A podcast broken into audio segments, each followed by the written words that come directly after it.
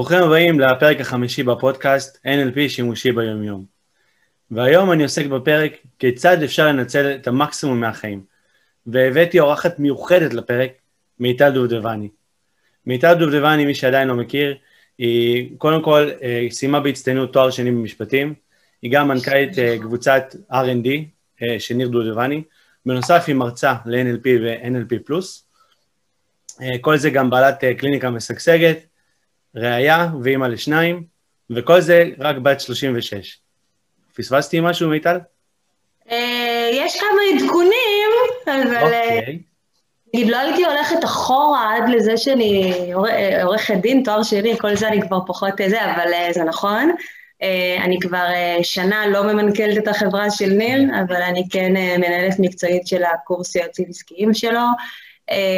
לבעלי יש חברה, אז אני גם עושה את ה-HR שם בחברה שלו, ואני חושבת שככה אמרת את זה בסוף, אבל באמת שאני תמיד אומרת את זה מההתחלה, אני קודם כל אימא לשני ילדים. זה, זה הדבר הכי, הכי, הכובע הכי משמעותי בחיים שלי, ומבחינתי המקסימום הישגים שלי ש, שהיו עד היום. מדהים שתמיד אומרים שכשמגיעים הילדים עוצרים החיים, וזה לא תמיד נכון, תמיד אפשר uh, לג'נגל בין הכל ביחד. תקשיב, זה היה בשבילי uh, uh, האמונה המקבילה שהלכתי איתה, כי אני הייתי תמיד בן אדם של uh, הרבה מאוד uh, כובעים, והרבה מאוד כדורים באוויר, אבל uh, רוב הזמן, זאת אומרת, מרגע שיצאתי לעולם העבודה, נקרא לזה, הם התמקדו מאוד בעולם העבודה. זאת אומרת, כל פעם עשיתי עוד דברים במקביל, הייתי גם עם קליניקה וגם הרצאה, וגם זה לא אמרנו, אני גם מרצה ל... אמרתי, ב-NLP פלוס, מרצה ל-NLP. אז אני לא ב-NLP פלוס כבר לא יודעת כמה שנים, הרבה מאוד שנים, אבל אני כן מרצה ל-NLP, כן מעבירה סדנאות, כן uh, uh, מרצה גם לעסקים, לשיווק, למכירות. אה, אז, אה, אז, אה, אז אני הייתי פול גז בעבודה, ומבחינתי גם החתונה וגם הילדים היה משהו שאמור לשים את החיים שלי על hold, כשבמקביל אני מאוד הייתי minded זוגיות. אבל באמת הייתי עם אמברקס על זוגיות, סליחה, באמת הייתי עם אמברקס על, על ילדים, כי חשבתי שילדים זה משהו שיעצור את כל ההתפתחות שלי, ואני ממש זוכרת את התקופה שלאחר אה, הלידה של הבן שלי הבכור, ליאו, שאמרתי לבעלי, תקשיב, אני מרגישה כאילו הניבים שלי נהיו חדות יותר, ואני מסוגלת לטרוף בצורה הרבה יותר גדולה ממה שהיה קודם, ממש לא חשבתי שזה מה שיהיה. מדהים. ואתם משפחה ש, ששניכם יש בעצם קריירה מאוד ענפה ודורשת מכם הרבה מאוד אנרגיה ומשאבים, ועדיין אתם מצליחים לג'נגל ככה בין הכל. כן, אבל אני כן חייבת פה להגיד שיש מחיר כבד שמשלמים על זה. כאילו, לא בא לי שיצא פה מסר של, אה, תראו איזה מדהים, אפשר להיות wife, perfect mother, perfect worker, perfect whatever. Uh, לא, יש לזה מחיר מאוד מאוד מאוד כבד, uh, וזה באמת בלנסים שצריך לשים, לשים לב אליהם כל הזמן. זאת אומרת, קווי הגבול משתנים אצלי ממש... אם כל ילד זה השתנה וכל תקופה זה משתנה, אם פתאום בעלי יותר בעבודה, אני כן אקח צעד אחורה ואהיה יותר בבית, כמובן שזה גם כל אחד עם, ה, עם הערכים שמובילים אותו בחיים שלו, כן? כי אם אין לכם בעיה, ואני לא אומרת את זה מתוך ביקורת בכלל, אני באמת אומרת, אם לאימא או לאבא אין בעיה שתהיה בייביסיטר כל יום, אז יכול להיות שזה פחות יעצור אתכם בעבודה. אם חשוב לכם כי יש לכם איזשהו אידיאל הורי מסוים, אז אי אפשר גם וגם, צריך לבנות פה את הקונסטלציה עם הרבה מודעות לערכים שמובילים אותנו, בסוף אני חושבת שזה המצפן. אז אה, בואי רגע נחזור אחורה, כי בעצם אה, אני רוצה ממש להתחיל אה, מתחילת המסע, כי בעצם עברת מסע מאוד מאוד מרתק, והייתי שמח ככה להתעכב על נקודות שמאוד עניינו אותי. אז yeah. כן. מה שקראתי, קודם כל למדת NLP, ואז למדת משפטים בעצם, נכון? התחלת מהקורס NLP ואז משפטים? לא, הפוך, התחלתי, התחלתי משפטים, ותוך כדי השנה הראשונה, ממש על ההתחלה של השנה, השנה הראשונה ללימודי משפטים, קיבלתי 83 אה, בעבודה ששווה, לא זוכר, 10 אחוז מקורס ששווה 8 נקודות מסך כל התואר במשפט ציבורי, והרגשתי שחרב עליי עולמי, וממש נכנסתי לסוג של דיכאון מזה, והבנתי שאני לא, משהו פה לא תקין, לא יכול להיות שזה יהיה ככה, אני עדיין רוצה את הציונים, אבל רוצה גם את השפיות שלי, ואז הלכתי לטיפול. מטיפול NLP נחשפתי לעולם הזה, זה אני מדברת איתך לפני 15 אה, שנה, יותר, 17 שנה, לא, לא 17 אבל 15 או 16, אף אחד לא ידע מה זה NLP, אני גם במקור מהקריות, זה היה נשמע ממש ממבו ג'מבו, ובכל זאת ככה הימרתי על זה, מה שנקרא, כי זה היה נשמע לי מעניין באיך שזה היה מתואר, ושם נחשפתי לעולם הזה, ומיד אחרי הטיפול התחלתי גם את הלימודים של NLP במקביל ללימודים. כן. ובעצם, אז, אז למדת פרקטישנר, ואז עזבת את זה בעצם, נכון? המשכתי עם התואר הראשון, מיד אחרי תואר שני, את שתיהם סיימת בהצטיינות, נכון? ואז בעצם התחלת, התחלת את המסלול, מה שנקרא המקובל, של עריכת דין, של התמחות, בגדול זה נכון, אבל אני לא יכולה להגיד שעזבתי את ה-NLP, כי מהרגע ש... זה היה כמו סם. מהרגע שנחשפתי לזה אי אפשר להפסיק. אז נכון שלא יכולתי, דרך אגב, לא יכולתי כי לא נפתחו קורסי המשך בקריות.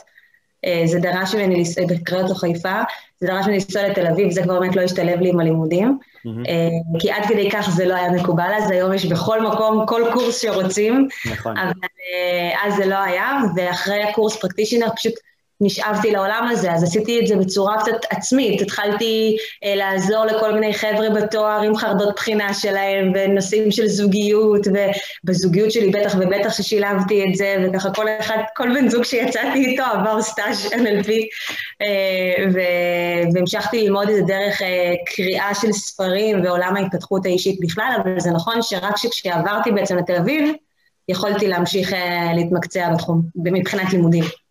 ובעצם זה, זה, בואי תספרי לי בעצם איך היה הרגע שבו החלטת שאת עוזבת את המקצוע שקיבלת בו הצטיינות, וכאילו זה היה נראה שיש לך עתיד מבטיח, מבטיח שם, והחלטת להתמקצע דווקא ב-NLP, ואיך להיות מרצה שם, ו... זאת אומרת, להתחיל את הדרך בכיוון אחר לגמרי. אמ, אני ממש זוכרת את הרגע שבו קיבלתי החלטה שעורכת דין אני לא רוצה להיות. אה, קודם כל, לא נהניתי. מהלימודים נהניתי מאוד, מאוד מאוד מאוד, ובגלל זה המשכתי ללמוד. ומהיום הראשון שכף רגלי דרכה בהתמחות, ועשיתי התמחות במרק... במשרד אה, נחשב ומצליח, עם אנשים באמת מקסימים ואיכותיים, כאילו לא יכולתי לבוא ולהגיד לאף אחד, אתה הבעיה. לא אהבתי, לא נהניתי, ממש סבלתי בהתמחות, אה, ותמיד הייתי מאוד קשובה לעצמי. זאת אומרת, לא יודעת למה או איך או מי לימד אותי את זה, אבל תמיד היה לי איזשהו קול אה, פנימי מאוד מאוד חזק שמכוון אותי בתהליכי קבלת החלטות, ולמעשה כבר בהתמחות היה לי ברור שאני לא הולכת לעבוד בזה. אה, וזאת גם הסיבה שהייתה לי מוטיבציה מאוד נמוכה לעשות בחינות לשכה, ומראש אמרתי, אני, אני עושה את הדבר הזה, את הסיוט הזה, פעם אחת. אני אצליח, יופי, אני לא אצליח, נגמר הסיפור הזה. אחרי שכבר עבדתי, ב... עברתי את הבחינות, אז את אומרת, טוב, רגע, אבל אין לך באמת משהו חלופי כרגע להתפרנס, וברמה הגשמית נקרא לזה, אז בואי תתחילי, ונראה מה יהיה. והיה לי ברור שאני מחפשת מקום שאני יכולה תוך כדי זה להמשיך uh, להתפתח, שלא ידעתי בדיוק למה. זאת אומרת, NLP תמיד היה שם, אבל לא חשבתי שזאת תהיה הקריירה שלי, כי עוד לפני לימודי משפטים חשבתי לזה שאני רוצה להיות מטפלת, וכאילו לא היה לי אומץ, לא, לא ראיתי את עצמי במשבצת הזאת, לא הבנתי איך אני אמורה להיות עצמאית, איך אני אמורה, לא, לא ראיתי את זה קורה. לא, למרות שכן בסופו של דבר, כאילו היית עצמאית הרבה שנים. נכון? אחרי עריכת הדין, אחרי עריכת הדין, אה, זה היה אה, אה, עצמאית במקביל לזה שאני גם... היו לי הרבה, כמו שאמרתי קודם, עם הנושא של ילדים או משפחה או כמה כדורים באוויר, היו לי הרבה התכתבויות עם הנושא הזה. כי אני באתי מתוך מחשבה של אני לא מתאימה להיות עצמאית. כאילו ידעתי שאני אהיה מאוד מאוד טובה כשכירה. ידעתי שאני, ידעתי מה הערך שאני מביאה לארגון שאני נמצאת בו, ספציפית בעולם המשפט, אבל גם האמנתי שבכללי, כי היו לי עוד עבודות עוד לפני זה, אחרי הצבא. ו... אבל, לא, אבל לא ראיתי את עצמי עצמאית. וכאילו יש איזה משהו שעד שאתה לא רואה את התמונה הרלוונטית אליך, איך, איך הדברים, כמו שלא ראיתי את עצמי מטפלת, לא משנה כרגע אם שכירה או עצמאית. לא ראיתי את זה קורה, וכל עוד לא ראיתי את התמונה קשורה אליי, גם לא ממש פעלתי לקראת זה. אז עשיתי צעדים, יצאתי לעולם אה, והייתי עצמאית והתחלתי לטפל והייתה לי קליניקה והתחלתי להרצות באמת ב-NLP פלוס כמו שאמרת קודם, אבל נכנסתי גם לעבוד באיזושהי חצי משרה עם אחי באותה תקופה, כי לא יכולתי, לא היה לי אומץ להיות במאה אחוז על המסלול הזה של עצמאית. אה, לקח לי זמן עד שהגעתי למקום הזה. את התחלת בעצם, אם אני קראתי נכון, אה, בתור uh, מנהלת שיווק, נכון? כאילו בתחום לא, השיווק? לפני, לפני זה נכנסתי בתוך איזה, בתור איזה חלטוריסטית, כאילו, אה, נקרא לזה סוגרת פינות. אתה יודע, העסק שיחסית היה, ב, ב, לא ביום הראשון שלו, אבל עדיין בתחילת דרכו, ונכנסתי כי ניר שמח עליי שאני אדע להביא מה שאני אדע להביא, אני אפילו לא ידעתי מה אני יודעת להביא. עזרתי קצת במצגות, עזרתי בתוכן, פתאום פיתחנו תכני הדרכה, פתאום אני כותבת הצעות מחיר, פתאום אני נמצאת במשאים ומתנים, פתאום אני מנהלת שיווק. לא היה לי מושג, לא באתי מהעולם הזה. גדלתי עם כל מה שהחברה הייתה צריכה, נכנסתי למלא את זה. אז נכון שבשלב מסוים גם uh, נכנסתי להיות מנהלת שיווק, ואחר כך גם מנהלת מכירות, ואחר כך מנהלת שיווק, מכירות ופיננסים, ואז משם... מנכ"לית, מנכ"לית. המנכ"ל זה כאילו אה, טבעי, זה כאילו הגיוני. ובעצם כל השינויים האלה שעברת בחיים, אולי, אולי תוכלי לשתף בעצם מה, מה היית צריכה בשביל להביא את השינויים האלה, איך, איך יכלת להסתגל לכל השינויים האלה ובעצם לעבור מתחנה לתחנה, הייתי שכירה, פתאום רציתי, נהייתי עצמאית, פתאום אני במקביל גם אה, גודלת בחברה, גודלת בעסק שלי, גודלת בכלי, זאת אומרת, איך, איך מתרגלים לכל השינויים האלה, איך מבצעים אותם בלי לפחד, בלי לחשוב? אז קודם כל אני אשקר אם אני אגיד שלא פחדתי, או לא חשבתי, או לא חישבתי צעדיי מאה פעם. אני חושבת שזה היה מלווה בהמון סבל, באמת. אני ממש... חשוב להגיד את זה, כי. כי מהצד זה כנראה נראה, כאילו, את יודעת, כאילו, יש לה מזל, אה, את יודעת, אפשר להגיד הרבה דברים על אנשים שמצליחים, אבל לבוא ולהגיד, זה היה מלווה בהרבה סבל ובהרבה קושי, זה, זה מעודד אה. אנשים שכרגע מרגישים קשיים, שוואלה, מאחורי הקושי גם יש אחר כך רווח ש, שאפשר להשיג. תראה, כל האני מאמין שלי, וזה גם מה שעומד מאחורי הקהילה שאני בונה, זה לדבר על דברים מאוד דוגרי. כאילו, אני, בא לי להוריד מצד אחד את מפלס הדרמה שיש סביב תהליכי שינוי, מצד שני, אני ממש לא רוצה לצייר איזושהי תמונה אה, שהכל מושלם וקל ופשוט, ורק תחשוב חיובי ויהיה מהמם. חרטא, זה לא ככה. אנחנו לא אה, יצורים שנועדו, תוכנתו לעבור שינויים. כל שינוי דורש הסתגלות. Uh, ומבחינתי, נגיד על ילדים, שזה שינוי חיובי מדהים, כי רצינו אותם, ברוך השם, קיבלנו, ובאמת אלף פעם תודה. ועדיין, אחרי כל ילד, יש כאילו, אני תמיד אומרת, זה כמו ללכת על קורה ולרגע לאבד את שיווי המשקל. צריך כאילו רגע לחזור לעמוד יציב לפני שעושים את הצעד הבא. ואותו דבר לגבי כל שינוי שעושים אותו בחיים, גם מחקרים מראים שאין הבדל בין שינוי חיובי לשינוי שלילי, זאת אומרת, עזיבת מקום עבודה, בין אם ביוזמתנו, בין אם פוטרנו, להביא ילדים, חתונה, לא משנה אם זה שינוי חיובי או לא, הוא מערער את המערכת. נכון. אז, אז אני יכולה להגיד שאצלי זה היה מלווה בהמון סבל, אבל העניין היה שבאמת הייתי קשובה לסבל הזה. אנחנו יודעים שבני אדם, במטה פרוגרם שלהם נחלקים לשניים, או כאלה שהולכים לקראת, או כאלה שבורחים מ. חושבת שבמשך תקופה מאוד ארוכה בחיים שלי אני ברחתי מ.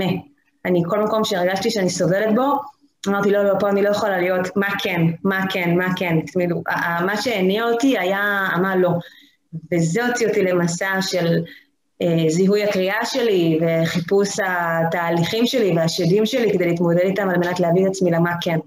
אבל אה, אני, אני, קודם כל המסע לא נגמר, אני עדיין בתוכו. אבל, אה, ואני מקווה, ברגע שהוא ייגמר אז, אז הכל נגמר. זה everlasting. אבל, אבל זה מדהים שבעצם בכל התהליך הגדול הזה שסיפרת, בעצם גדלת איתו. זאת אומרת, אני מניח שלא, שגם כשעמדת NLP וגם כשהרצית NLP, אז לא כל כך ידעת את ההיבט העסקי שלו, היית צריכה בעצם לחקור וללמוד ולהתנסות ולנסות, ואחר כך, כי בעצם לימדת אותו הרבה מאוד זמן וליווית הרבה מאוד עסקים, ובכלל, המודלים העסקיים, ממש, מה שקראתי, סקרנו אותך ממש מההתחלה, נכון? הקליניקה שלך מההתחלה התעסקה יחסית בעסקים? הקליניקה שלי מתחילת דרכה עשתה הכל.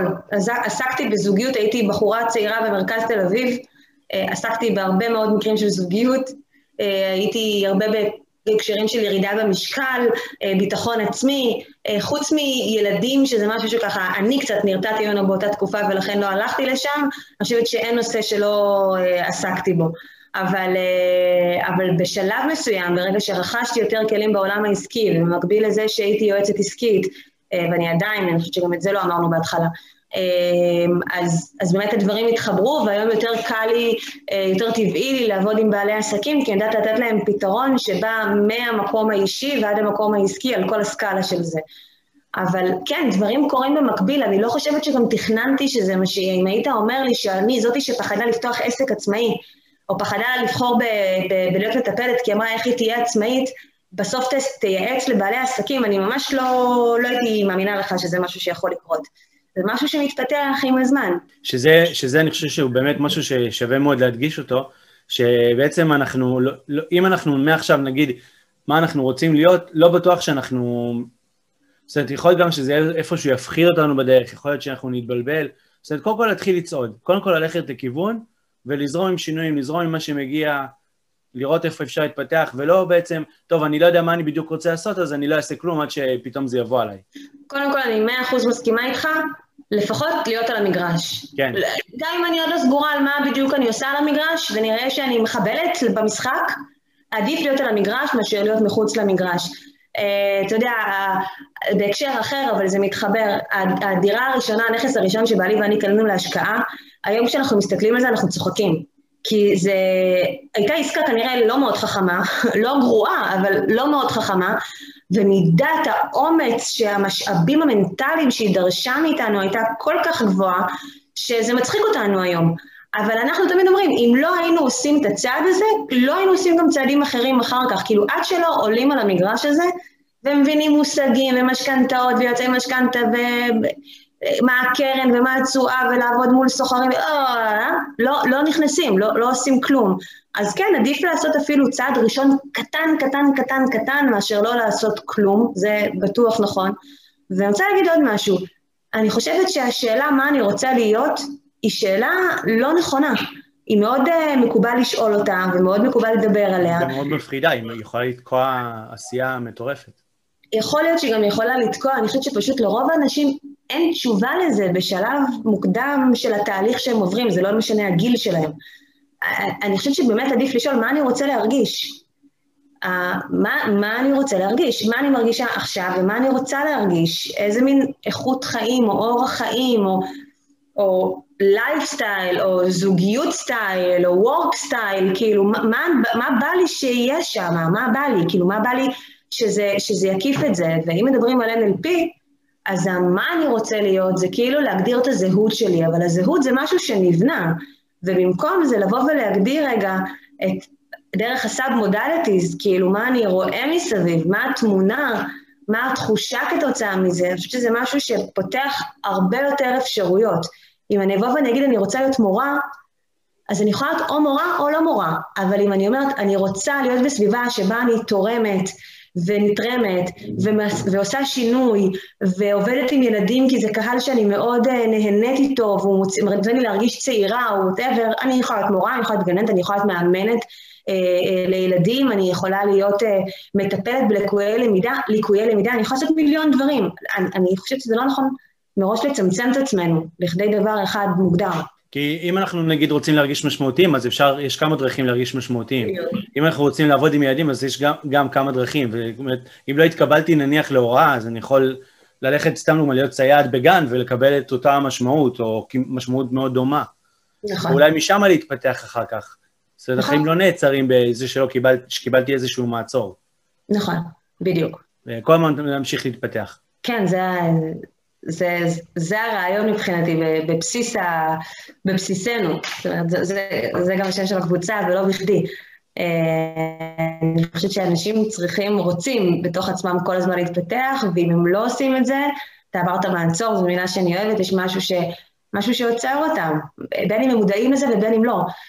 הסיפור מסתבך כשאני לא מודעת לזה, וכשנדמה לי שזאת המציאות, כן. ושבאמת אה, לא התברכתי בהקשרים, או במזל, או באיזשהו אקסטרה מאני, או לא התברכתי, אז אין לי ברירה, אני פה. אבל כולנו מתברכים במשהו אם אנחנו מסוגלים לראות אותו, אנחנו תמיד מסוגלים לראות אותו. נכון, לגמרי. מעניין אותי, את מלמדת המון המון NLP. איזה שיטות או כלים של NLP את משתמשת עבורך, במיוחד כדי לעשות את כל הדברים, ובאמת להתקדם וללמוד ולהתפתח? אני לא יודעת להגיד לך את זה היום בצורה מאוד uh, מתודית, נקרא לזה, כי זה הכל ביחד. כי בסוף מי שבאמת חי NLP, uh, אה, זאת לא טכניקה, זאת ממש דרך חיים. כמו שאתה אומר, NLP בחיי היום-יום, זה ממש דרך חיים. Uh, דרך אגב, זה היה השם לדעתי בהתחלה, כשפתחתי את הקבוצה, NLP uh, uh, בחיי היום-יום, או משהו כזה. Uh, כי, כי אני באמת חושבת שזה צורת חשיבה, זה way of life. זה מתחיל מאיך שאני מגיבה לסיטואציות, זה מתחיל מעד כמה אני מוכנה להתפשר על סיטואציות בחיים שלי, בסוגריים אני לא, שגם לזה אני משלמת מחיר, דרך אגב, כן, גם פה אני עובדת על הבלנסים שלי, אבל החוסר מוכנות שלי להתפשר דוחפת אותי למצוא כל פעם פתרונות אחרים. טיפולי. אני רוצה להגיד משהו בנושא הזה. אני חושב שהרבה אנשים חיים חיים, אני גם כתבתי על זה כמה פעמים, שהם חיים חיים סבילים. זאת אומרת שהם סובלים במידה מסוימת, וכל עוד הם מוכנים לספוג את הסבל הזה, אם זה מערכות יחסים, אם זה אפילו מול ילדים שהתקשורת לא טובה, ואם זה בעבודה, או הם לא עובדים בעבודה שהם רוצים, או אפילו בסביבה שהם נמצאים לא נוח להם, אבל הם יכולים לסבול את זה, אז הם מעדיפים לסבול מאשר לעשות שינוי. ובאמת, כמו שאת אומרת, לבוא להגיד, אני לא מוכן לסבול, אני רוצה לקום ו- ולשנות מה אני מרגיש, אני מרגיש לא טוב, אז אני רוצה לקום ולשנות, זה מה שאת מתארת כרגע, וזה מדהים. כן, אני, אני שוב, אני חושבת שאני פשוט בן אדם מאוד מאוד עקשן. אה, זה לא תמיד טוב. זה, זה הרבה פעמים אני משלמת על זה, אמרתי כבר כמה פעמים, וזה אה, זה, זה טף, כאילו, להיות עקשן כל הזמן. אה, בטוטל זה יותר מקדם אותי מאשר מעכב אותי, אז אני לא מנסה... זה הרבה יותר נחישות מאשר רק שם. יכול להיות, שהמילה נחישות. נחישות מאוד מאוד כאילו עקבית חזקה. אה, אבל אני לא, אני לא חושבת שיש סיבה לסבול. אה, אתה יודע, אני רואה אנשים סביבי, גם בסביבה הקרובה, שלוקחים דברים מאוד מאוד קשה ללב. ועל פניו הם אנשים מדהימים, הם רגישים, הם אה, מאוד דואגים לזולת, הם אכפת להם מאוד מהזולת, וזה הכל נשמע מאוד יפה, ותכונות מאוד מאוד יפות. ולידם תשים מישהו שהוא אה, נגיד יותר אה, מנוכר או, או אגואיסט או זה, זה נשמע תכונות לא טובות, אבל למי מהם יש אורח חיים יותר טוב, או איכות חיים יותר טובה? כנראה שלאגואיסט הוא חי יותר טוב. עכשיו, זה לא שחור או לבן, אתה לא צריך לעשות uh, לביתך ולפגוע באחרים, אבל לא בהכרח אתה פוגע באחרים. לפעמים כשאתה דואג למצבי הרוח שלך, לא לקחת דברים כל כך קשה ללב, אה, לא, לא, לא, לא לסבול כי קרה משהו שאולי מצדיק במרכאות את הסבל, אתה יכול לחיות חיים הרבה הרבה יותר טובים. ואני, בדיפולט שלי, כן בן אדם רגיש, בדיפולט שלי אני כן לוקחת ללב, אני עובדת, עובדת עם עצמי כל הזמן על זה שאני אקח מה שאני רוצה ואני אוציא מה שאני לא רוצה. אה, ואני גם רואה את זה עכשיו, אתה יודע, הילדים שלנו זה ההשתקפויות שלנו, ואני רואה את זה אצל הבן שלי, שהוא... רגע לפני שהתחלנו עכשיו את השידור, אז אני מקבלת טלפון מהגן, אתה יודע מה, זה מלחיץ רואה את הטלפון של הגננת, כאילו, הייתה חמודה, אומרת לי, קודם כל הכל בסדר, to make a long story short, הוא איבד איזה משהו בשרשרת שלו, את הטיליון של השרשרת שלו, והוא בכה, בכה, בכה, בכה, בכה, היה בהיסטריה. ואמרתי לו, אתה כי אתה חושב שאני כועסת או שאתה עצוב? אז אמר לי, כי אני עצוב. ולקחת את הדברים האלה קשה, ואני יודעת שזה כי הוא פחד, הוא כאילו הרגיש שהוא אכזב. וזאת המראה שלי, זה המקום שאני תמיד הייתי בו, ו- וזה דפוס שאמרתי, זה כאילו דפוס נורא שכיח. לא רוצה לאכזב אף אחד, רוצה להיות בסדר עם כולם, אבל בסוף איזה מחיר כבד אני משלמת על זה. וזה עד הרמה הזאת, כשאתה אומר לי לא להתפשר ולא לחיות חיים סבילים, זה עד הרמה הזאת, של איך אני מגיבה לסיטואציות יומיומיות. אם אני מגיבה בצורה שהיא מכבידה עליי וגורמת לי סבל, וואלה, אני לא צריכה להתפשר על זה, אז אני, אני צריכה לעבוד על עצמי, ויש כלים לעשות את זה, בשביל לשנות את התגובה האוטומטית שלי. כי באותה מידה אני יכולה להתבאס, אבל גם להתחיל לחפש ושזה ימלא אותי במוטיבציה, או שזה יגרום לי עכשיו אה, אה, לבוא ולצחוק על זה אפילו, על, על איך זה תמיד קורה לי, או יכול, יש פה הרבה תגובות שיכולות להיות. אבל אם אני אומרת לא, אבל זה בסדר, כי הנה זה מראה שהילד אחראי, ושהוא לא מזלזל בכסף, וזה... זה, אנחנו בונים סיפורים שמצדיקים תחושות לא טובות. בשביל מה ולמה? כן. בשביל שהסיפור ייראה טוב, שנראה בחוץ נחמדים, שנראה בחוץ מתחשבים, למי אכפת? תן לי פשוט לחיות במצב רוח טוב, זה פשוט. זה, זה מאוד מעניין מה שאת אומרת, ודיברת הרבה על אגואיסט ועל על עצמי מול הסביבה. ומעניין אותי לדעת מה, מההשקפה שלך, בעצם, איך, איך נכנס בחלק הזה הקטע של אהבה עצמית? כמה חשוב ש, ש, שנדע לקבל את עצמנו, ש, ש, איך עושים את זה בכלל? אני חושבת שאתה לא יכול לעשות את זה בלי זה. כאילו, יש כל מיני, בטח בסביבה שאנחנו חיים, לא, אני חושבת שבכל סביבה, אבל יש איזשהו אידיאל התנהגותי. בישראל למשל, עם כל הנושא של האחווה ו... ו... ו... ו... ו... וצבא, ואחד בשביל כולם, כולם בשביל אחד, אתה נדרש כל הזמן לחשוב על האחר, וככל שאתה יותר חושב על האחר, אבל מה זה חושב על האחר? מקריב? אני יכולה לחשוב על מישהו מבלי להקריב?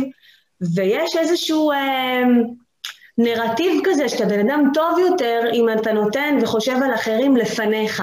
כן. אתה לא הופך להיות יותר טוב.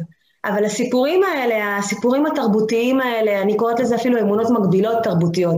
התפיסות עולם האלה, התודעה הקולקטיבית הזאת שמוכתבת לנו, היא גורמת לנו כאילו לקבל בעצמנו תכונות שלא עושות לנו טוב, כי הן נחשבות לטובות בחוץ.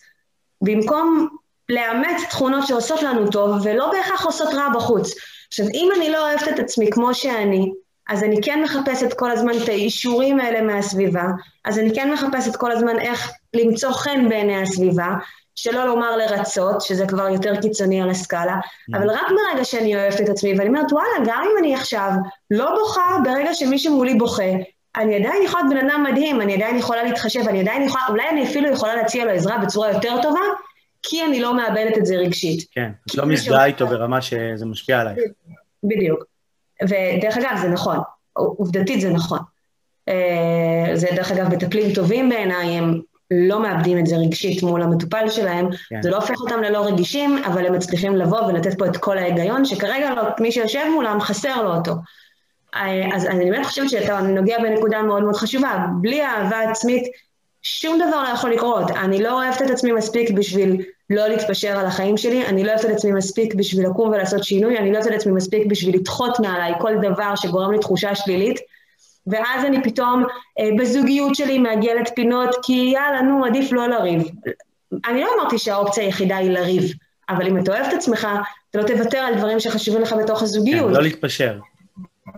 אני חושב, ש, אני חושב שגם, ספציפית ניר דודרני מדבר על זה המון, על העניין של הסטנדרטים, גם את, כאילו, בקורסים של, של בכלל, גם לבעלי עסקים, אבל זה נכון גם לאנשים פרטיים, כל העניין של הסטנדרטים, זאת אומרת, איזה סטנדרט אתה מוכן לחיות את החיים שלך? הסטנדרטים שלך נמוכים או גבוהים? כי אם אתה אוהב את עצמך, אתה רוצה שיהיה לך סטנדרטים גבוהים, שיהיה לך תקשורת טובה, זוגיות טובה, עבודה טובה. עבודה טובה, הכוונה שאתה, שאתה כיף לך בה. אתה, זה, כאילו, שתרוויח כמה שאתה רוצה להרוויח. כאילו, כל בן אדם מכוון ויכול להגיע לאן שהוא רוצה. נכון, וזו נקודה חשובה בעיניי, כי המילה סטנדרט גבוה היא הרבה פעמים מושכת אנשים לאיזשהו... אה, ביקורת אולי, או אכזבה, כן. שהם לא הגיעו. כן, כי כאילו יש איזשהו... יש בזה קאץ'. כי כאילו יש איזה מדד של מצוינות שאתה צריך להיות בו, ואם אני לא שם אז אני לא שווה, ואז אני לא אוהבת את עצמי. זה ממש לא נכון בעיניי, ואני לגמרי הייתי במסלול הזה, כן, של uh, uh, משרדי עורכי דין הכי מובילים, ולהצטיין פה ולהצטיין שם, וזה בולשיט בעיניי היום, זאת אומרת, אני יודעת שזה אולי מעיד עליי שאני מאוד uh, שקדנית או רצינית, או מעיד עליי דברים טובים, אבל זה לא, נק, זה לא נקרא לחיות בסטנדרט שאתה רוצה. זה... יכול להיות שיש אנשים שלא היו מצטיינים, אבל הם עברו את התואר בהרבה יותר כיף ממה שאני חוויתי. אני עבדתי מאוד מאוד קשה בשביל זה, להגיד לך שנהניתי תוך כדי זה, הסתקרנתי, הלימודים מאוד אהבתי אותם, אבל עבדתי קשה. יכול להיות שיש מישהו שאמר, וואלה, לא מעניין לי עכשיו או הצטיינות יתרה או הצטיינות או זה, לא מעניין אותי. אני באתי, לפה ליהנות, והוא בסוף יכול להגיע בדיוק לאותם הישגים. אז המילה סטנדרט, כן, אבל עם איזשהו תמרור אזהרה לידו. כן, שבעצם בעצם גם, גם חשוב, אני חושב, לשים דגש על הסטנדרט, שהאם הוא בא ממני, או היום הוא בא ממה שאני תופס שהחברה תרצה שאני אהיה. זאת אומרת, כש, כשאני אומר כאילו אני חייב להרוויח 20 אלף שקל בחודש, או 50 אלף שקל בחודש, אני צריך שנייה לשאול את עצמי, כאילו, למה אני רוצה את זה? כי אם אני רוצה את זה כי, כי ככה אני חושב שהם מצליחים, או, או כי זה מה שמתאים לי, זאת אומרת, אני צריך לבדוק שהסטנדרט גם נכון לגביי. נכון. כי מה שנכון לגבייך לא בהכרח נכון לגביי. נכון מאוד, אבל הסביבה לא, לא מלמדת אותנו את מה שאתה אמרת עכשיו, זה משפט שצריך למרקר אותו. כן, נכון, בגלל זה אמרתי אותו גם. כי הסביבה מלמדת אותנו שיש, אה, רק אחד מקבל את ההצטיינות יתרה, או שלושה, לא משנה, רק שלושה אחוז שבתואר מקבלים את ההצטיינות היתרה. אז ברור שכולם רוצים להיות שם, לא? את לא רוצה להיות שם, את לא, מה, לא הגיוני שאת לא רוצה להיות שם. Hmm. אבל לא, אולי לא. נכון, זה מה שאומר, אולי לא, בדיוק. זה שזה סטנדרט חברתי, זה לא בהכרח הסטנדרט שלי. אה, כן, אבל אתה יודע, זה גם מתחבר למה שאמרת לי בהתחלה, מה אני רוצה להיות. כי כן, התואר הזה, הטייטל, כאילו לא רק תואר אה, אקדמי, אלא הטייטל הזה שהשגתי XYZ, פותח דלתות שבלי הטייטל אי אפשר לפתוח. אז אם אתה יודע מראש מה אתה רוצה, הרבה יותר קל. אם אתה לא יודע, אה, אז אתה באמת בהרבה פעמים בהמון גז, בפול גז על ניוטרל. כי כן. אתה לא יודע, אז אתה חייב כאילו לתת את המקסימום כדי שכל הדברים תהיינה פתוחות לך, ואחר כך אתה תבחר.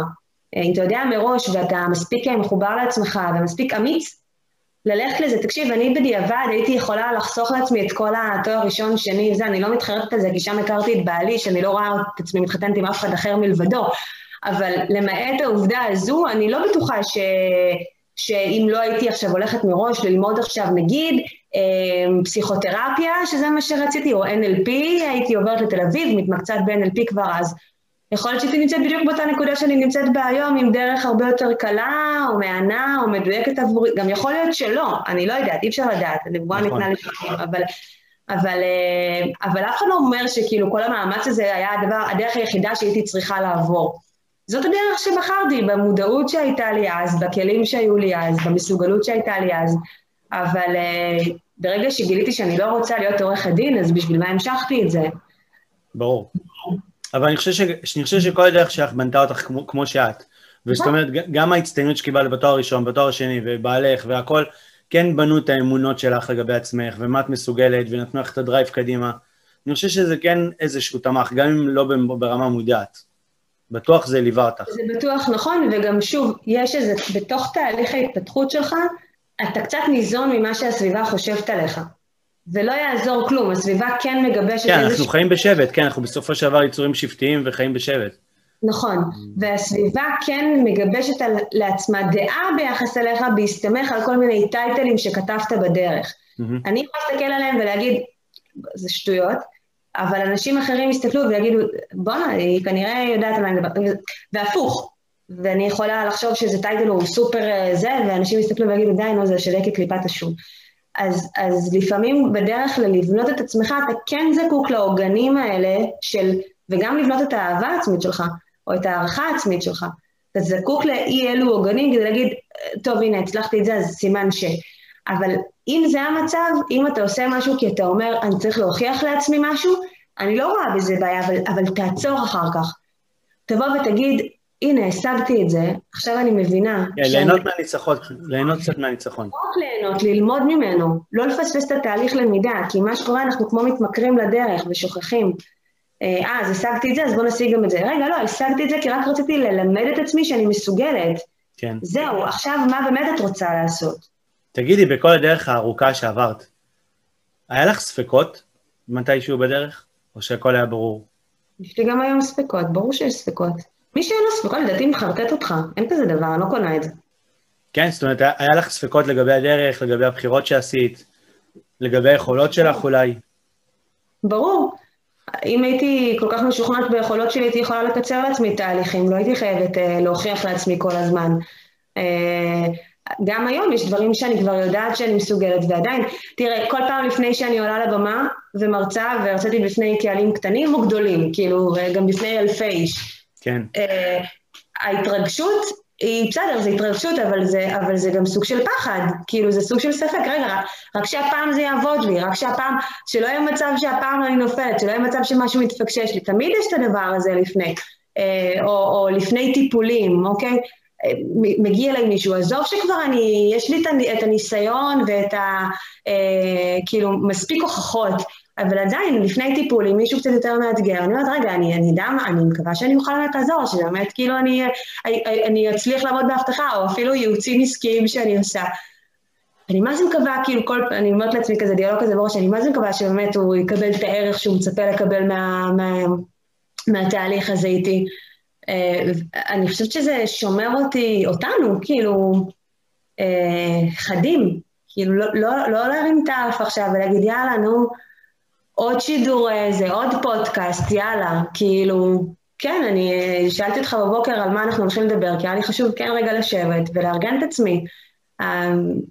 שאננות, אני לא חושבת שהיא מקדמת. אבל בעצם מעניין אותי, אה, בעצם הפרק שלנו היום מדבר על איך להוציא את המקסימום מהחיים.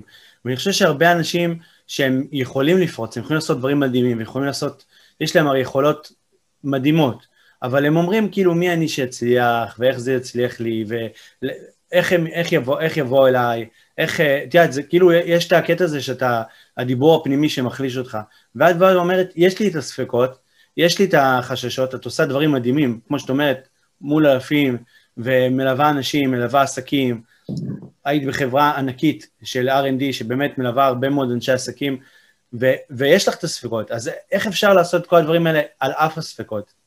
מה עוזר לך? אני חושבת שבראש ובראשונה לא צריך לחשוב שהספקות האלה ייפסקו מתישהו. אני חושבת שהדבר הנכון לעשות זה להתחבר אליהם. אה, אה, ממש כמו הכלי של שיחה עם החלק ברמת ה-NLP. אה, אני, מדבר, אני, אני בודקת עם עצמי ממה אני, על מה באמת הפחד יושב. מה, כי את לא זוכרת איזשהו חומר, אז אוקיי, אז את יכולה רגע ללכת ולרפרף מחדש. כי את לא עשית שיעורי בית מספיק על הבן אדם, אז אוקיי, אז את יכולה ללכת ולעשות שיעורי בית. כאילו, על מה, מה יכול לעזור לך? אני תמיד מחפשת, גם בקורס, אני מעבירה קורס של NLP עסקי. Mm-hmm. ואני מעבירה אותו גם ליועצים עסקיים אצלנו, זאת אומרת, זה אנשים שלאו דווקא באים עכשיו להיות מומחי NLP. הם רוצים בתכלס לשלב את זה ביום-יום שלהם, בעסקים שלהם. ואז אני אומרת, זה, זה לא משנה עכשיו אה, הטכניקה או הזה, אני גם, אל, אל, אל, אל, אל תהיו במצב שאתם מצפים לא לפחד. הפחד הוא בילטין, הוא יהיה שם תמיד. אל תנסו עכשיו לשתות איזה מיץ אומץ ויאללה להתגבר, כי בשנייה שיהיה עוד פעם איזשהו מוקש, אתם עוד פעם תפחדו. כן. זה יהיה אפילו יותר גדול. במקום זה, תבדקו שנייה, ממה, על מה הפחד, מאיפה הפחד נובע. ואז תחפשו פתרון פרקטי למצב מנטלי. כי כן, אם אנחנו מחפשים לקחת את ה-NLP לשימוש יומיומי, אני לא ישר רוצה ללכת לטיפול על כל דבר קטן. אני, אני, אני דרך אגב מתה על טיפולים, ואני ממש ממליצה לכל אחד לעשות טיפ, כמה שיותר טיפולים בחיים שלו. אני לא... אה, כמובן יש פה איך, איך להיות מטופל, זה גם אה, נושא בפני עצמו, אבל בגדול אני מאוד מאמינה בטיפולים. ועם זאת, אני אומרת, ברמת היום-יום, אני לא צריכה על כל דבר ללכת לטיפול. לא כל ספק, לא כל פחד הוא עכשיו דורש טיפול. הרבה פעמים הפתרון הוא פתרון פרקטי. אם אני רגע בודקת על איפה הספק יושב, או ממה הפחד נובע, יכול להיות שפשוט חסר לי איזשהו ידע ספציפי, אני אלך וארכוש את הידע הזה בקורס, בספר, בשיחה עם חבר, איך שזה לא יהיה, אה, באיש מקצוע שילווה אותי. יש כל כך הרבה פתרונות פרקטיים, לפני שאני עכשיו נכנסת לתוך איזה כדור שלג של כן, וזה מתחבר לי למה שהוא אמר לי, ולמה שהיא עשתה לי, ולמה שלא עשיתי, ולא... לא, לא, לא, שנייה, לפעמים הפתרון הוא פשוט. את לא בטוחה במשהו, לכי תבדקי למה את לא בטוחה, ותחפשי את הפתרון הזמין. כן. ממי את יכולה לבקש עזרה, איזה שיתוף פעולה את יכולה לעשות, איזה שיעורי בית את צריכה. את רוצה עוד פעם אה, לקרוא את הכל מול המראה, תקראי עוד, כאילו, יש פתרונות פשוטים. אני אגיד לך למה מאוד מאוד אהבתי את התשובה שלך, מאוד. כי בעצם, איך שאני רואה את הדברים, הפחד שלנו זה דבר רגשי. והרגש הזה הוא בעצם, אה, הוא כאילו עוטף אותנו, הוא מקשה עלינו לעשות דברים. ובעצם את באה ואומרת, אל תנסו להילחם עם רגש ברגש, בואו תנסו בעזרת הלוגיקה. זאת אומרת, תעברו רגע למצב שכל, תגידו, אוקיי, מה אני צריכה כדי להתחזק? זה, זה כאילו, זה בעצם, זה פרקטי, זה לוגי.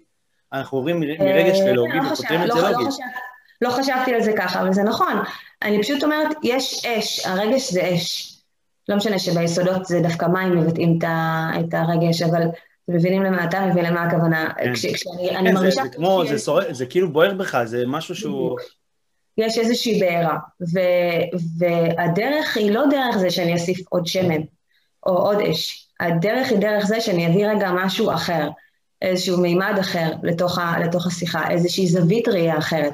אם אתה רוצה להסתכל על זה בעוד איזושהי חלוקה אנלפיסטית, אז ברגע שאני מאוד בעמדה ראשונה ומאוד מחוברת לעצמי, וברגע שאני מצליחה להתנתק רגע ולרחף ולהסתכל על הדברים מעמדה שלישית, בדיס-אסוציאציה. בדיוק, בדיסוציאציה, אז אני פתאום מסוגלת לקבל הרבה תובנות שמבפנים אני לא מקבלת אותן. כן, אה, אז גם אלברט איינשטיין אמר שאי אפשר תמיד לפתור בעיה באותו מרחב שבה יצרנו אותה. וזה בדיוק העניין שבעצם רגע לצאת מהמקום של הפחד, במקום לשהות בתוך הפחד ולהגיד מה, מה יהיה, מה יהיה מתוך הפחד, לצאת מהפחד בדיסוציאציה, לעבור למצב של שכל, לחשוב פרקטית מה אני צריך, כי, כי בעצם לפחד הזה יש, אה, הוא בא להגיד לנו משהו. זאת אומרת, יש לנו איזה רווח מזה שאנחנו מפחדים. נכון. וברגע שבעצם נבין את הרווח ונבוא וניתן לו פתרון, אז כל המצב הרגשי שלנו ישתנה. בדיוק. מעולה. הייתי רוצה לדבר איתך גם על אה, חלוקת אנרגיה. אה, זה משהו שהוא מאוד מרתק אותי. נניח שאנחנו רוצים כמוך להוציא מהחיים שלנו את המקסימום, ובאמת לעשות כל כך הרבה דברים, ולהיות בעלי כל כך הרבה כובעים, מאיפה מביאים אנרגיה לאורך זמן כל כך ארוך לעשות כל כך הרבה דברים?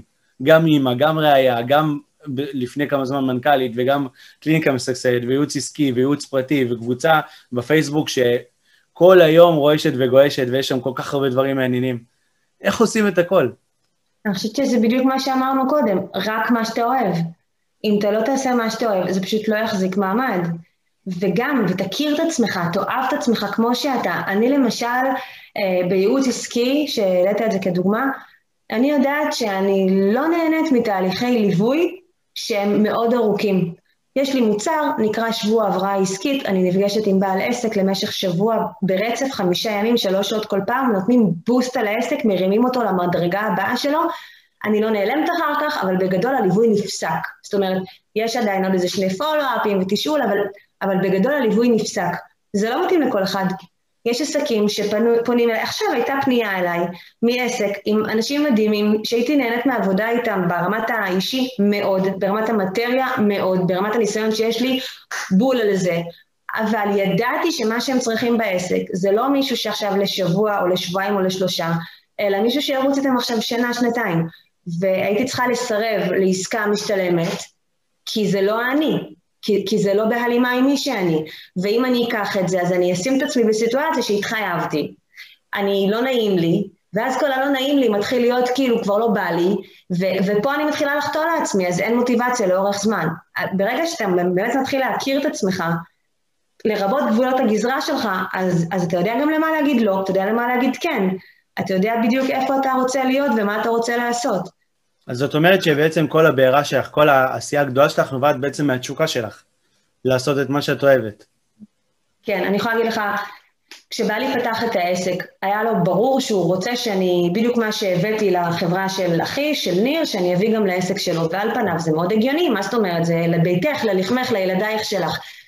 לא הייתי מסוגלת. אני ידעתי שברגע שסיימתי למנכ"ל, סיימתי למנכ"ל ואני לא הולכת להיכנס כמנכ"לית בשום עסק אחר, גם לא עסק משפחתי שלי. Mm-hmm. באותה מידה, עוד לפני ש, ש, ש, שסיימתי את המנכ"לות בעסק של בעלי כבר היה, מאוד רצה שאני אעזור לו בניהול שיווק במקומות כאלה, לא הסכמתי לקחת על עצמי שום דבר. ולהגיד לך שזה קל להגיד לא, זה נשמע טיפשי, כי את פוגעת בעסק של... זה מה שמפרנס אותך גם. כן. אז אין, אין היגיון. כאילו, זה לא אפרופו רציונלי. יש לך כבר ניסיון מאוד, כאילו, מאוד רחב בזה. יש לי את הניסיון, יש לי את הידע, אני, אני כוח האדם זול לעסק, כאילו, זה לא דורש עכשיו להעסיק מישהו אחר. לא היה היגיון שאני אגיד לא על הנייר, אבל ידעתי שאני לא מסוגלת כרגע לעשות את זה, שאני באיזשהו overload שהיה באותה תקופה. כאילו, המקום הזה של להכיר את עצמך ולהבין מה כן ומה לא, מה אתה מסוגל, באמת לא לנסות לרצות כל הזמן. ולי זה היה חתיכת שיעור, כי הברירת מחדל שלי כן הייתה לרצות, כן להיות בסדר תמיד, כן להיות בסדר כל הזמן. אבל זה לא עובד. אם אתה בסדר עם כולם, אתה לא בסדר עם עצמך, ואז לא נשארת לך אנרגיה, לא נשארת לך אנרגיה, אז אתה גם לא מוציא החוצה ועוזר איפה שאתה יכול באמת לעזור בחיים. אז אה, כן, נראה לי שזה חוק שימור האנרגיה. זה, זה איפה, איפה אתה מרגיש שהאנרגיה נוצרת, ואיפה אתה מרגיש שהיא נעלמת, כשאתה לא מסוגל. אז להגיד אני לא מסוגל, זה לא מוריד ממך, אני חושבת שזה מוסיף. את האמת ש, שזה מדהים, כי זה בעצם מחזיר אותנו גם אחורה למה שאמרת, שבסופו של דבר אנחנו צריכים לבדוק איפה אנחנו מרגישים טוב. כי אם אנחנו מרגישים טוב, אז גם האנרגיה שלנו בשיא, ובא לנו להיות שם, יש לנו כיף מהעשייה. נכון. זה בדיוק כמו שניקח רגע לכיוון אחר לגמרי, לא של עבודה, מישהי שכמובן שזה גם מישהי הוא, אבל אנשים שרוצים לרדת במשקל, ומתחילים לעשות איזושהי פעילות ספורטיבית. אם אתם לא תהנו מהפעילות הספורטיבית שאתם עושים, תעשו את זה חודש, חודשיים, שלושה חודשים, חצי שנה, סבבה, תגיעו למשקל היעד שלכם, זה יתאייד, זה ייעלם. יש כל כך הרבה אפשרויות, תמצאו משהו שאתם אוהבים לעשות. אה, יש אותו דבר לגבי תפריטים. אם עכשיו אנשים ייכנסו לאיזה דיאטת, כאילו, לא יודעת מה, מהגיהנום, שהם לא נהנים ממה שיש, או אין להם את ה... זה לא יחזיק מעמד לאורך זמן, וזה בדיוק התופעות שאנחנו רואים של העלייה אה, במשקל, ירידה במשקל וכל האקורדיון הזה. זה לא קשור, ואז מתחילים לספר סיפורים. אני לא מספיק חזק, אין לי מספיק כוח רצון, אני לא מספיק מתמיד, כל מיני, אנחנו רק קוברים את עצמנו עוד יותר בתוך הסיפורים האלה. לא, פשוט מלכתחילה, העצות שקיבלתם היו לא מותאמות לכם. אתם צריכים למצוא מה שנכון לכם, לא מה שנכון ל... בדיוק כמו שאמרת קודם בהקשר אחר של הסטנדרטים. לא מה שנכון לאבי או למיטל, מה שנכון לכם. עכשיו, מעניין אותי גם כל עניין הקורונה, כי בעצם בקורונה הראשונה קצת השתנה לך מצב רוח ממה שראיתי, ובקורונה השנייה, בסגר השני, בעצם לא הסכמת שזה יקרה לך שוב, נכון? ופתחת אפילו אתגר מאוד גדול בקבוצה, שבאמת סחף אחריו הרבה מאוד אנשים, ובעצם הייתה תמיכה הדדית כזאת. איך אפשר באמת להתמודד עם המצב הזה של הקורונה? מה... כי הרי, כי הרי כן השתנה אצלנו המצב רוח וההרגשה שהכל סוגר עלינו.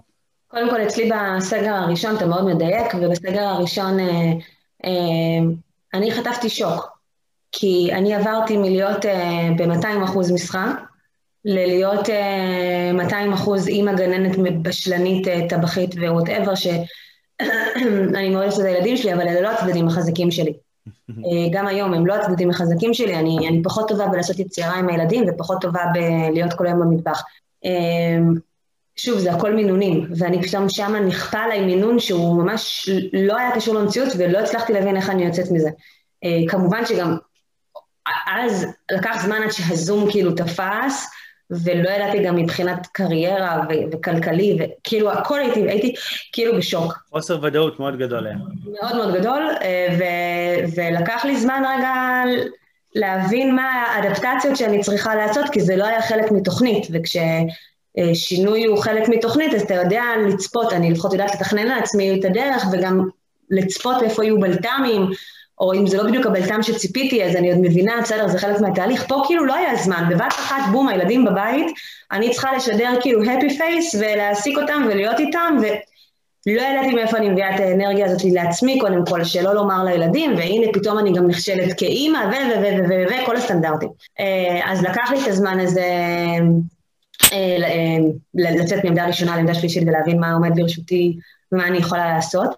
בסגר השני כבר כאילו לא הייתי מופתעת מזה שמגיע הסגר, וכל התוכניות היו צריכות לעבור התאמה. כל הלו"ז היה צריך לעבור התאמה, פתאום בייביסיטר ו- ולא גנים, וכאילו היה, היה צריך לעשות פה הרבה, אבל זה בגלל שהבנתי כבר מה הכלים שיש לי ואיך אני צריכה להתמודד עם זה, אז זה רק היה להפעיל את הכלים האלה. אז זה היה מפחיד קצת, אבל הבנתי שיש לי כלים להתמודד עם זה כבר, והנה אני צריכה לשלוף אותם. אז איזה כלים? זה היה הכושר ארגון שלי והתכנון שלי, ומיד בניתי תוכנית לכל, נדמה זה היה אה, אה, אוקטובר, אוקטובר-נובמבר, אז בניתי תוכנית מול אה, בייביסיטר לאיך זה הולך להיראות בהנחה ויש סגר, ואיך זה ייראה בהנחה ואין סגר, כאילו plan A, plan B. כן. ארגנתי כאילו את כל הסביבה שלי, היה לנו ברור איפה, כי בניתי משרד בבית, שבדרך כלל יש לי משרד אחד בפתח תקווה, אצל ניר ב-R&D, ואחד אצל בעלי ברמת החייל, ו... אה, בניתי משרד בבית כדי שהבנתי שאני צריכה גם את הזמן הזה, סינכרנתי את היומנים עם בעלי, כאילו הכל היה, את כל הייעוצים העסקיים שהיו מיועדים בראש ובראשונה לבוקר, כי אלה השעות שאני בדרך כלל עובדת, אני צריכה להעביר לערב, כי הבייביסיט, לא משנה. כן. לוגיסטיקה, היה לוגיסטיקה, אבל בסופו של דבר באת מוכנה, ו... אבל זה גם האנרגיה שלך הייתה אחרת. אבל בדיוק, זה הלוגיסטיקה, כי אמרתי לעצמי, סבבה, מכל, לצד כל העניין הלוגיסטי, את זוכרת מה הרגשת. את לא רוצה להרגיש ככה עוד פעם, כי אם תרגישי ככה, כל הלוגיסטיקה תקרוס. אה, ואז השתמשתי גם בכלים שהיו לי, אמרתי, אם אני מרגישה ככה, גם אחרים מרגישים ככה, ואוטומטית הרמתי באמת את האתגר הזה, שהוא היה קודם כל בשביל עצמי, גם אמרתי את זה. אה, אני עושה את זה קודם כל כי אני צריכה את זה. אבל זה מדהים שכשאנחנו נותנים לסביבה ול, ולעולם, אנחנו בעצם מקבלים הרבה יותר. ו- וזה בעצם מסר לכולם, שכשאתם מרגישים, נגיד, פחות, טוב, פחות, פחות חזקים, ברגע שבעצם תעזרו לסביבה ותיתנו, כאילו תחזקו אותם, גם הרבה פעמים אתם תתחזקו בעצמכם.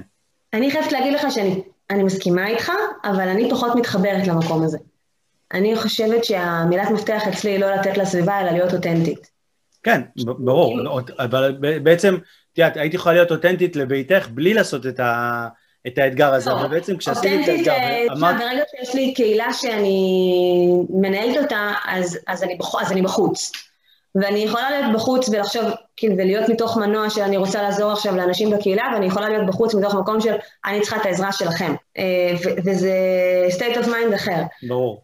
אני באה מתוך מקום של כן, אני גם צריכה את העזרה, אני צריכה את הקהילה הזאת, אני הקמתי את הקהילה הזאת, קודם כל אני צריכה אותה. אני, אני יודעת שבא לי להיות במקום של אנשים שמתפתחים, שחושבים חיובי, שגם אם הם לא חושבים חיובי, אז הם חושבים איך לחשוב חיובי, שמבינים שאפשר לשנות מצבי רוח ותגובות.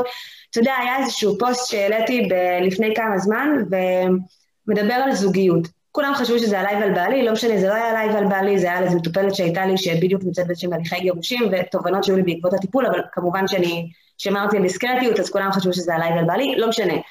העליתי את אותו פוסט בדיוק באיזושהי קבוצה מאוד מצליחה של זוגיות, משהו עם איזה מאה אלף נשים שם.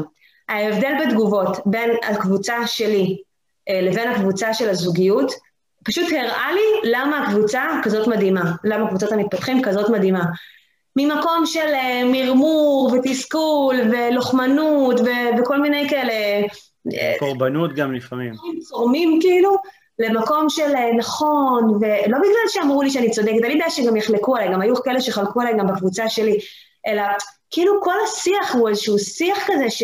מחפש את האמת, ששואל שאלות, ש, שפותח סימני שאלה, שלא מקבל אקסיומות, וזה משהו הרבה יותר נכון בעיניי להיות בו בתוך הסביבה שלך, מאשר מקום מאוד, כאילו הכל ידוע, הכל ברור, הכל נוקשה, הכל סגור, הכל מובנה, אם את לא ככה אז את ככה, אם את ככה אז את לא ככה, כאילו, אז, אז אני, שוב, אני חושבת שאני צריכה את הקבוצה הזאת, כי, כי זאת הסביבה שאני רוצה שתהיה סביבי, זה...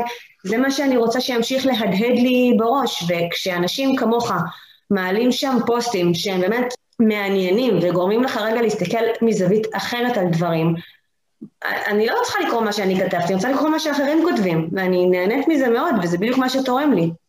קודם כל, תודה רבה. אני גם כן אה, מאוד נהנה גם לקרוא וגם אה, לתת תכנים בקהילה. אני חושב שהקהילה הזאת היא מדהימה. תודה. אה, וגם אני רוצה להודות לך באמת קודם כל המון המון על כל ה... על הפרק המיוחד הזה, נתת המון המון ערך והמון כלים מדהימים. ואם תוכלי לספר אה, איך אפשר להגיע אלייך, מי שרוצה לשמוע יותר, אז דיברנו על המתפתחים, נכון? שזאת קהילה מדהימה בפייסבוק. לקבוצה הזאת של המתפתחים, אה, יש בעיקרון גם ביוטיוב, ערוץ יוטיוב של מיטל דובדבני מור, אה, של קהילת המתפתחים, אז גם שם יש כבר כמה פלייליסטים שעלו. אפשר גם לפנות אליי פשוט במסנג'ר, זה נראה לי הכי קל. אה, אני לוקח לי לפעמים קצת זמן לענות, כי אתה גם סבלת מזה איתי. אה, כי... כן, הייתי נחוש. אה, לא, מהמם, כי זה ממש לא... פשוט יש לי הרבה פעמים, הרבה פניות, ואז זה כזה, עד שאני מספיקה להגיע לכולם, אבל, אבל אני בסוף מגיעה לכולם, ו, ואני אשמח לכל אחד שגם צריך איזושהי עזרה, בין אם זה דרכי ובין אם זה דרך אנשים שאני מכירה, מטפלים, מנחים, מכל מיני סוגי עיסוק, לא רק NLP, אז אני אשמח לעשות את החיבור הזה.